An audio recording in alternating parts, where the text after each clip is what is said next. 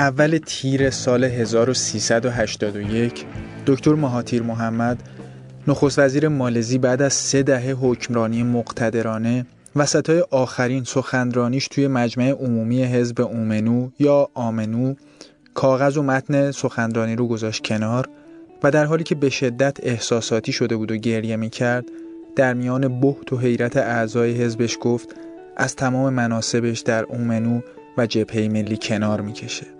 هواداراش و اعضای حزب فریاد میکشیدن و با چشمای اشکبار بهش التماس می‌کردن که کنار گیری نکنه. این صحنه ها به طور زنده از تلویزیون مالزی پخش می‌شد. بعد مهاتی رو به اتاقی در پشت صحنه بردن و یک ساعت بعد معاونش عبدالله بداوی روی آنتن اومد تا به همه اعلام کنه که تونسته دکتر مهاتی رو راضی کنه که تو پست خودش باقی بمونه.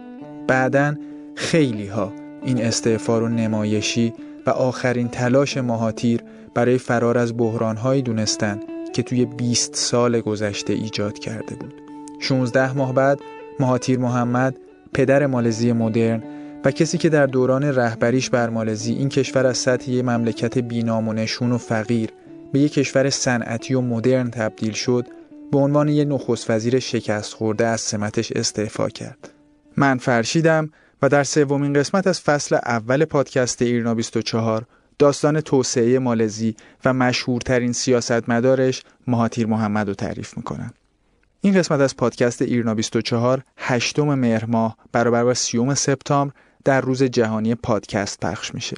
پادکست یه رسانه قرن 21 که با به وجود اومدنش برنامه سازا این امکانو پیدا کردن که برنامه های رادیوییشونو بدون نیاز به استودیوهای گرون قیمت و پرهزینه رادیویی با شرایط آسونتر و بسیار ارزونتری تولید بکنن. از طرف دیگه پادکست شنونده ها هم این امکان رو پیدا کردن که برنامه های مورد علاقه شون رو نه از طریق امواج رادیویی که از راه فضای وب هر زمان و هر جایی که خواستن انتخاب کنن و گوش بدن این روزو به همه پادکسترها و شنونده های پادکست تبریک میگم و امیدوارم که این رسانه مثل همه جای دنیا توی ایرانم به رشد خودش ادامه بده dan semua jawatan-jawatan yang dipegang oleh saya dan semua jawatan dalam barisan nasional. No, I have decided. I have decided. Dah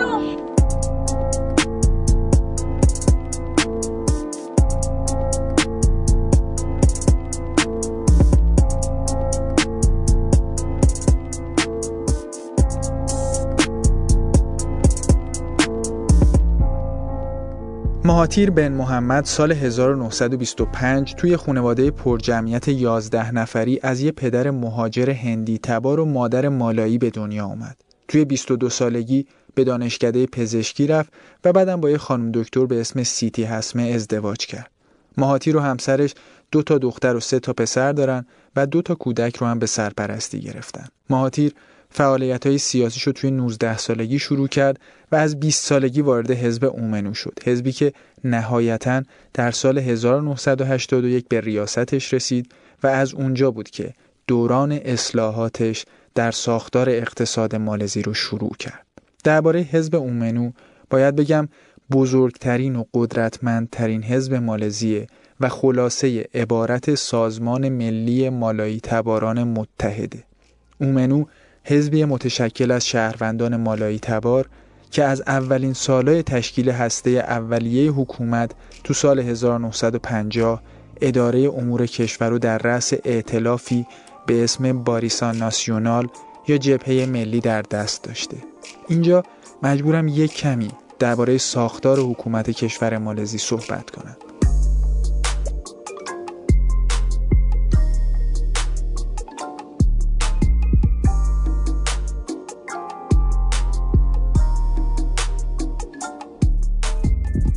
فدراسیون مالزی کشوری در جنوب شرقی آسیا که تا پیش از سال 1980 و به قدرت رسیدن مهاتیر محمد یکی از فقیرترین کشورهای آسیایی با درآمد سرانه 100 دلار در سال بود. ساختار حکومت کشور مالزی یکمی پیچیده تر از اونیه که حداقل خود من تا پیش از این تصور می‌کردم.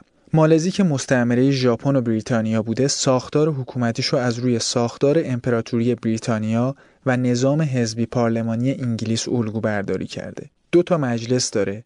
یکیش مجلس نمایندگان یا به مالایی دیوان رعیت و دیگری مجلس سنا یا دیوان نگاراه که این دوتا قوه مقننه رو تشکیل میدن. قوه مجریه هم دست دولته که رئیسش نخست وزیره و البته مالزی شاه هم داره. اینطوری که 13 تا ایالت داره. از این 13 تا ایالت 9 تاشون سلطان دارن.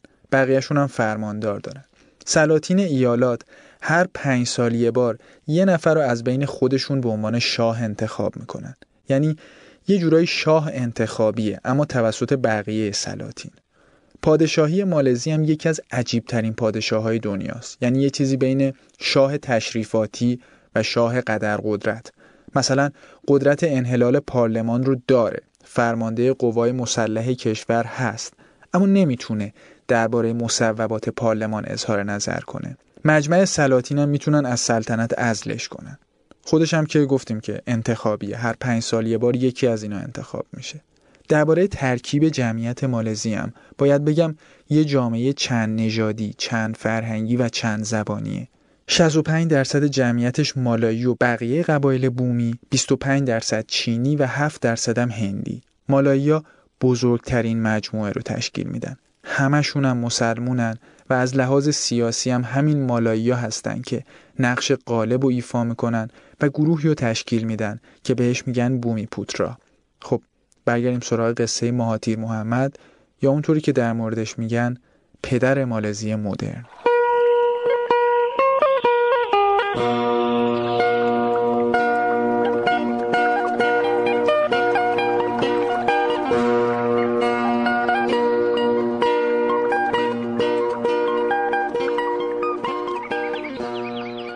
اونطوری که میگن مالزی تا قبل از دهه هفتاد میلادی یه جامعه بیشتر جنگل نشین و روستایی با محوریت کشاورزی و ماهیگیری و البته صادرات قلع، کاوچو و خرمای روغنی بوده. همین عوامل بود که مالزی رو توی قرن 17 هم به یه مستعمره جذاب برای بریتانیا تبدیل کرد. بریتانیایی از همون موقع به جای که برای کار از مالایی بومی استفاده کنن، یه سری هندی و چینی و وارد مالزی کردند تا بهشون توی استخراج منابع کمک کنن. در نتیجه توازن نژادی توی مالزی به هم خورد. همین موضوع باعث شد سال 1969 شورش های نژادی توی کوالالامپور شعله ور بشه.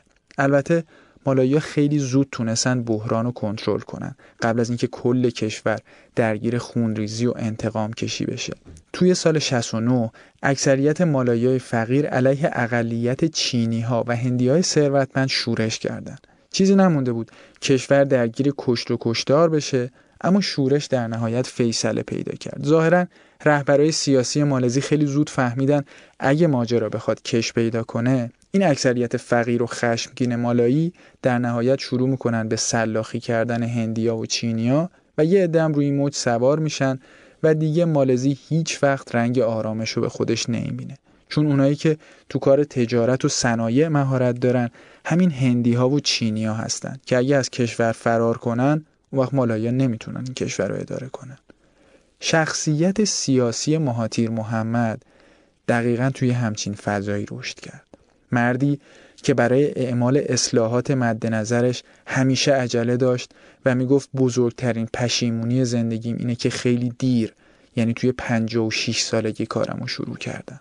پیرترین رهبر دو آتیشه مالزی چه زمانی که یه دستفروش جوون بود توی خیابون کتاب میخون و چه زمانی که به عنوان دکتر جراح بین بیماراش بود و حتی وقتی نخست وزیر شد تمام تلاشش این بود که توی وقت صرف جویی کنه. میگن حتی امضاش رو به شکل ام ناخانا به جای اسم کاملش که به جاوی یا مالایی میشه مهدیر محمد خلاصه کرده تا بتونه توی وقتش صرف جویی کنه. یا اینکه برخلاف تقریبا تمامی سیاستمدارای شرق آسیا از گلف متنفره. میگه گلف خیلی وقت گیره. مهاتیر محمد که تو این فصل یکی از اعضای کلوپ ببرای آسیایی ماست وقتی بازنشست شد درباره سوابق پیشرفت فوقالعاده کشورش توی بیش از دو دهه فقط یه جمله گفت. گفت من وقت زیادی نداشتم. البته اینا شاید به نظر خصوصیات تحسین برانگیز یه سیاستمدار تلقی بشه. اما در ادامه می‌بینیم که عجله مهاتیر محمد برای توسعه مالزی اونو تبدیل به چه جور سیاست مداری کرد.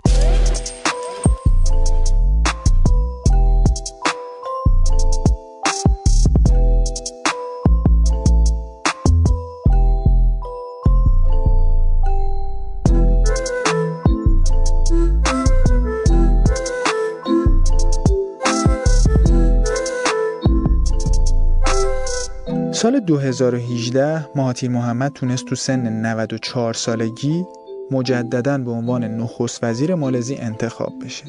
الان یعنی همین الان که داریم این پادکست رو ضبط می‌کنیم توی شهریور سال 98 پیرترین رهبر انتخابی جهان با 94 سال سن به حساب میاد. توی دهه دهم زندگیشه در واقع.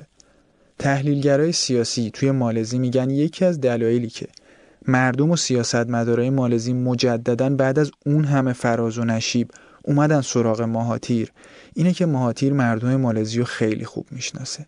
از همون زمانی هم که جوانتر بود تمام وقتش رو صرف مطالعه درباره تاریخ و جامعه مالزی کرد. توی اون سالها واکاوی درباره علت عقب موندگی مالزی ذهن نخبگان مالایی به خودش مشغول کرده بود. یه جوری مثل اتفاقی که توی ایران پیش از مشروطه و قبل از انقلاب اسلامی افتاد. شاید بشه گفت اولین اقدام اساسی مهاتیرم این بود که یک کتابی نوشت به اسم معزل یا بلا تکلیفی مالایی ها که کلیتش درباره بیتوجهی مالایی ها به سرنوشتشونه و خیلی هم ضد غربه. البته بعد از مدت این کتاب توقیف شد. اما همین کتاب تاثیر خیلی زیادی روی احساسات ملی گرایانه جوانای حزب اومنو گذاشت. مهاتیر همون اول که نخست وزیر شد اعلام کرد استراتژی توسعه مالزی و بر مبنای نگاه به شرق میچینه. حواسمون هم باید باشه دیگه.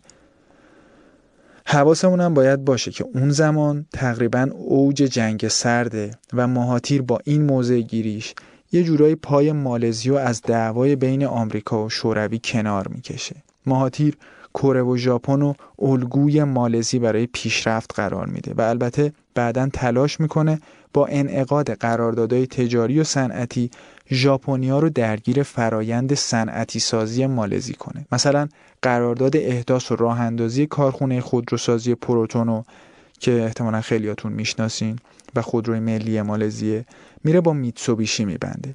و هر چقدر ژاپنیا بدقولی می‌کنن و مالزی و سر کار می‌ذارن بی خیالشون نمیشه. مهاتیر بعد از به قدرت رسیدن چند تا کار اساسی رو شروع می‌کنه. اولین پروژهش در واقع یه پروژه سیاسیه. یه دست کردن قدرت به نفع قوه مجریه و شخص خودش. که در نهایت بهش این امکانو میده که برنامه هاشو بدون مزاحمت رقبای سیاسی یا کانونای متعدد قدرت پیش ببره. بعدش هم میره سراغ بالا بردن اعتماد به نفس مردم مالزی توی فرایند تقریبا 20 ساله. مهاتیر می‌دونست که مالزی برای دهه ها یکی از مستعمرات بریتانیایی کبیر بوده. به مردمی که برای دهه ها نادیده گرفته شده بودن کمک کرد بتونن خودشون و تواناییاشون رو ببینن. این اصلا کار کمی نیست. مهاتیر این پروژه رو به بهترین شکل ممکن به سرانجام رسون. اما توی حوزه سیاسی هم تصمیماتی گرفت و کارایی کرد که انتقادات خیلی زیادی رو متوجهش می‌کنه. مهمترین این تصمیمات کنترل و محدود کردن آزادی سیاسی برای احزاب رقیب و از میدون خارج کردن رقبای احتمالی برای نخست وزیریش بود. وقتی میگم از میدون خارج کردن رقبا یعنی راستش مهاتیر تو این زمینه یه جورایی صاحب سبکه. کار بعدیش اصلاحات اقتصادی و اداری توی مالزیه که این کارش مترادف میشه با پرونده های فساد و چون پرونده های گردن کلفتی برای اطرافیانش تشکیل میشه میره سراغ یکی از تکان دهنده ترین کارهایی که نخست وزیر ممکنه بتونه انجام بده. یعنی خونه تکونی توی نه قوه مجریه توی قوه قضاییه. مهاتیر محمد توی یکی از بحث برانگیزترین اقداماتش قوه قضاییه رو تقریبا تحت کنترل خودش درآورد.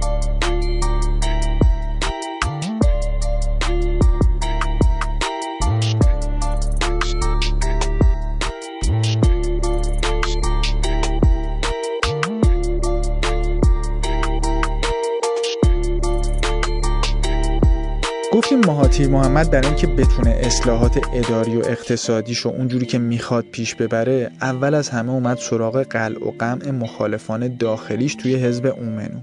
سه تا آدمن که توی این قسمت از داستان مهاتیر میره سراغشون و تقریبا اولین کسایی هستن که از گردونه رقابت حذفشون می‌کنه. اما اینا کیان؟ موسا هیتم تنکور رزالیق و حسین اون نخست وزیر سابق و از رهبرای اومنو که الان شدن سردسته مخالفای مهاتیر تو حزب اومنو. الان که میگم منظورم اون موقع و دهه 80 میلادی ها که مهاتیر داره بر نخست وزیری رقابت می‌کنه. یکی از دلایل مخالفت های این سه نفر با مهاتیرم تقسیم پستای سیاسی به نفع افراد نزدیک به مهاتیره. مهمتر از همه قراردادهای تجاریه که سودش فقط به اطرافیه مهاتیر می‌رسه. موسا تا این موقع معاون نخست وزیر و شخص دوم قوه مجریه کشوره. اما در عین حالم رقابت این دوتا یعنی مهاتیر و موسا توی مالزی به شدت مشهور میشه. در ضمن نباید اصلا موسا رو دست کم بگیریم. هم توی حزب اومنو هم توی ساختار قدرت مالزی موسا آدم متنفذیه. تا قبل از بروز اختلاف بین این دو نفر دولت و دولت دو ام یعنی ماهاتیر و موسا می‌دونستن. اما از سال 1984 و با استعفای موسا از پست معاونت نخست وزیری و وزارت مسکن ماهاتیر قفار بابا رو جانشینش می‌کنه. بعدم میگه حالا دیگه این دولت دولت دو ام به معنی ماهاتیر و موسا نیست به معنی ماهاتیر محمده.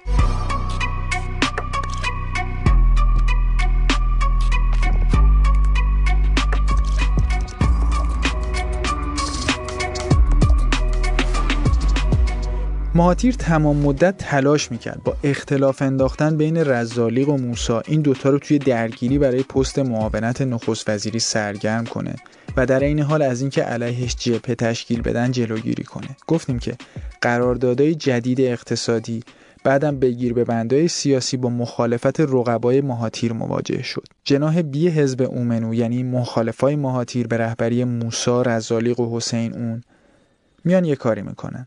یه تظاهرات چند صد هزار نفری علیه مهاتیر توی کوالالامپور را میندازن. فکر کنید یه روز مهاتیر بلند شد دید خیابونای کوالالامپور گوش تا گوش پر از جمعیت و همه هم دارن علیه شعار میدن. چیکار کرد؟ دستور برخورد شدید داد. اونقدر شدید که مطبوعات نوشتن تا قبل از این مالزی همچین برخوردی و به خودش ندیده. پلیس مالزی توی عملیاتی به اسم لانگ لانگ 119 نفر از مخالفای دولت رو دستگیر کرد و انداخت زندان. روزنامه نوشتن مهاتیر همه مخالفاشو دور انداخت. از اون طرف قانون امنیت داخلی مالزی هم بهش اجازه می‌داد که دولت بدون دادرسی و دادگاه متهم و برای مدت طولانی توی حبس نگه داره. توی قدم بعدی دولت سه تا از روزنامه ها رو هم تعطیل کرد. بگیر و ببندا توی مالزی همه رو شوکه کرده بود. اینجا یواش یواش و به مرور شاهد ظهور یه دیکتاتوری تو مالزی هستیم که دستگیری ها و زندانهاش برای مدت یه دهه باعث میشه مخالفا به قول معروف ماستاشون رو کیسه کنن. رهبرای سیاسی مخالف و برای مدت طولانی توی سلولای مرتوب و مملو از حشرات بدون تخت و پتو برای مدت طولانی حبس کردند. مهاتیر بازی و از رقبای همحزبی خودش برده بود. حالا دیگه نوبت بقیه ای بود که بیرون حزب منتظرش بودن.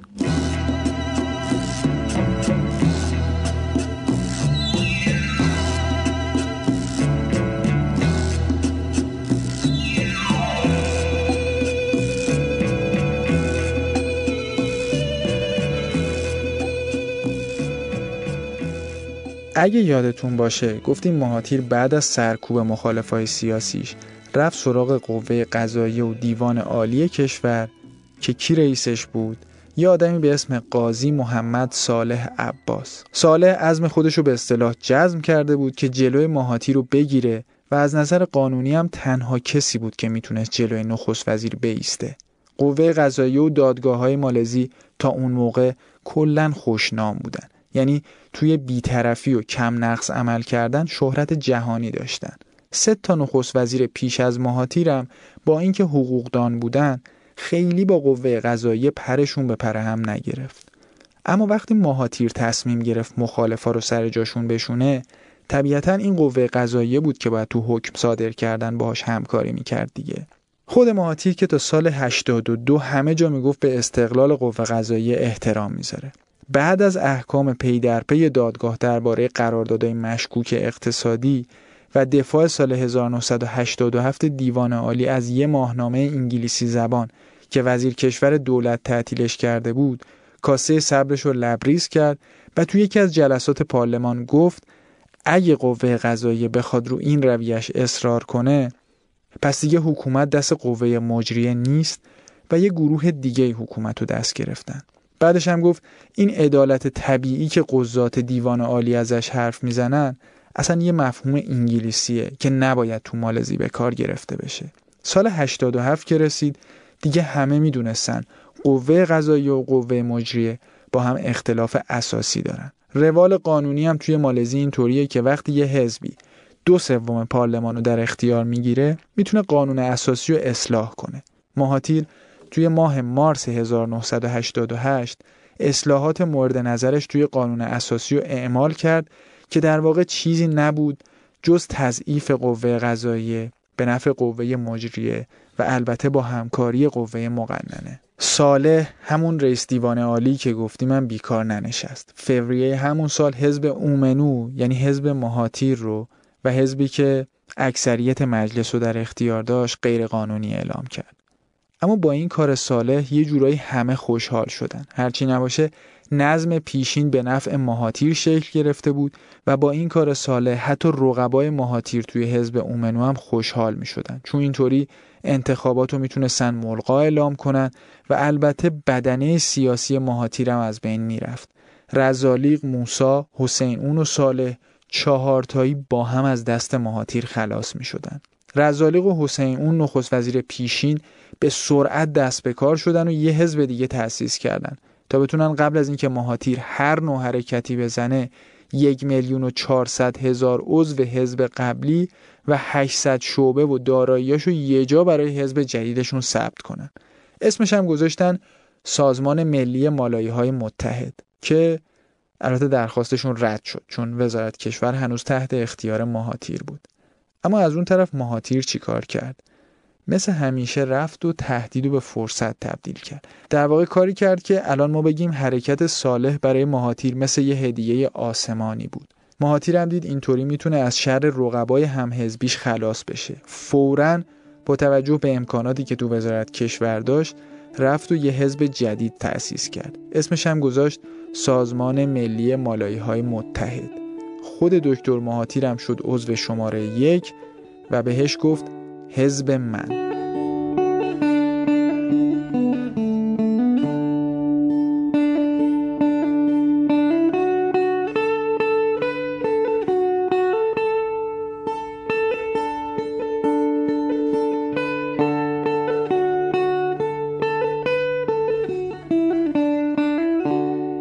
خیلی سخت نیست که حال و روز مخالفای مهاتی رو درک کنیم. رزالیق و موسا و حسین اون درخواست واخواهی کردن. به درخواست واخواهی کی باید رسیدگی کنه؟ بله درسته. صالح رئیس دیوان عالی.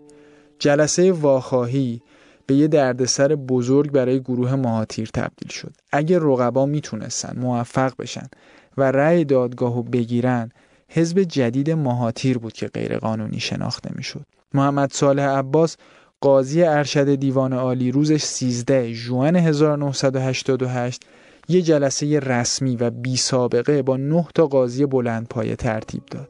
این بار دیگه قرار نبود سرنوشت مهاتیر توی نزاع سیاسی رقم بخوره که بتونه با زیرکی از زیرش در بره. آینده سیاسی مهاتیر توی اتاق دادگاه تحت حاکمیت قضاتی تعیین می‌شد که اونقدری استقلال عمل داشتن که از قوه مجریه نترسن و اونقدری هم انگیزه داشتن که بخوان این پزشک بلند پرواز و سر جاش بشونن.